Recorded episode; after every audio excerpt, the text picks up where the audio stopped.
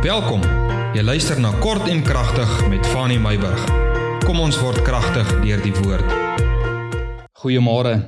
Ja, die week is besig om na sy einde toe te haas. Nog 'n week, nog 'n week besig om na sy einde toe te haas. Lukas 7 vers 1 tot 5. Begou daarna toe blaai Lukas 7 vers 1 tot 5. Ek wil met jou vanmôre 'n bietjie gesels oor guns vir die hoofman. Lukas hoofstuk 7 vers 1 tot 5. Kom ons lees gou-gou. En nadat hy, dit is Jesus voor die ore van die volk, al sy woorde beëindig het, het hy in Kapernaum ingegaan en die dienskneg van 'n sekere hoofman oor 100 wat vir hom baie werd was, was ongesteld en het op sterwe gelê. Toe hy dan van Jesus hoor, het hy ouderlinge van die Jode na hom gestuur met die versoek aan hom dat hy moes kom en sy dienskneg gesond maak.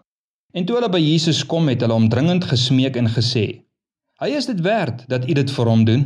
Hierdie hoofman oor 100. Hy is dit werd dat u vir hom hierdie guns doen om sy dienskneg gesond te maak, want hy is vir ons volk lief en het selfs die sinagoge vir ons gebou. En Jesus het saam met hulle gegaan. Maar toe hy nie meer ver van die huise was nie, toe stuur die hoofman oor 100 vriende na hom om vir hom te sê: "Here, moenie moeite doen nie, want ek is nie werd dat u onder my dak inkom nie." En hy sê: "Daarom het ek ook nie waardig geag om na u te gaan nie. So sê dit maar net met 'n woord en my knegg sal gesond word. En Jesus het gereageer en gesê: "So groot geloof het ek nog nooit in Jerusalem gesien nie." Guns vir die hoofman. Die mense sê: "Here, doen die hoofman, hierdie Romeine, doen hom 'n guns aan." Hoekom? Hoekom moet Jesus vir hierdie hoofman 'n guns doen? Hoekom? Want hy is 'n goeie mens. Hoekom is hy 'n goeie mens? Want sy gesindheid is goed teenoor die mense. Sy gesindheid is so goed teenoor die mense en teenoor die geloof van die tyd, die Joodse geloof. Hy het selfs vir ons 'n sinagoge gebou. Is dit die rede hoekom Jesus dit oorweeg het om die Romein, die hoofman, 'n guns aan te doen?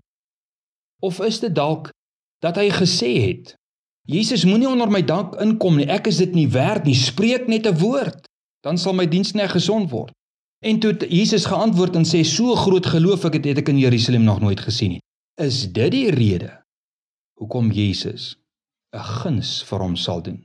Jesus het eintlik rede gehad om die guns te weerhou. Hoekom? Want hy was nie 'n Jood nie. Hy was 'n Romein. Hy was 'n hoofman in die Romeinse ryk. Hy is die een wat nie persoonlik nie, maar hy was 'n Romein wat Jesus aan die kruis sou vaslaan. Hy is een van hulle wat die eklesia sou vervolg het. Was Jesus bereid om hierdie manne guns te doen oor sy werke?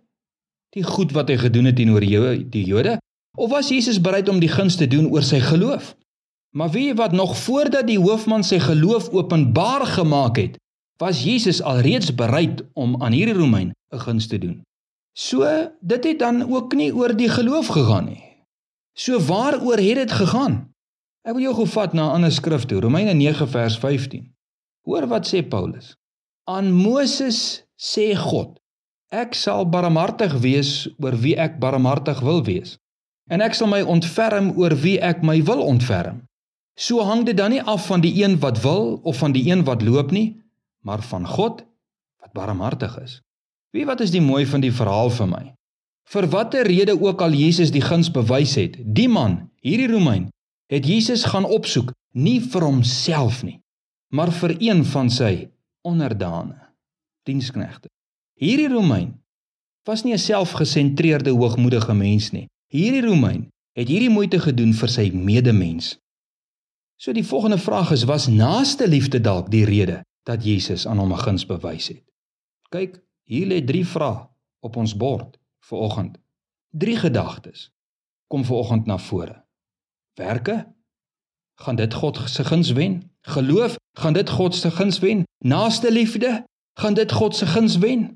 Watter een van die drie gaan God se aandag trek en sy hart na jou toe draai wanneer jy na hom sal roep? Watter een dink jy? Werke? Geloof? Naaste liefde? Wie wat? Volgens Romeine 9 vers 15, dalk nie een nie.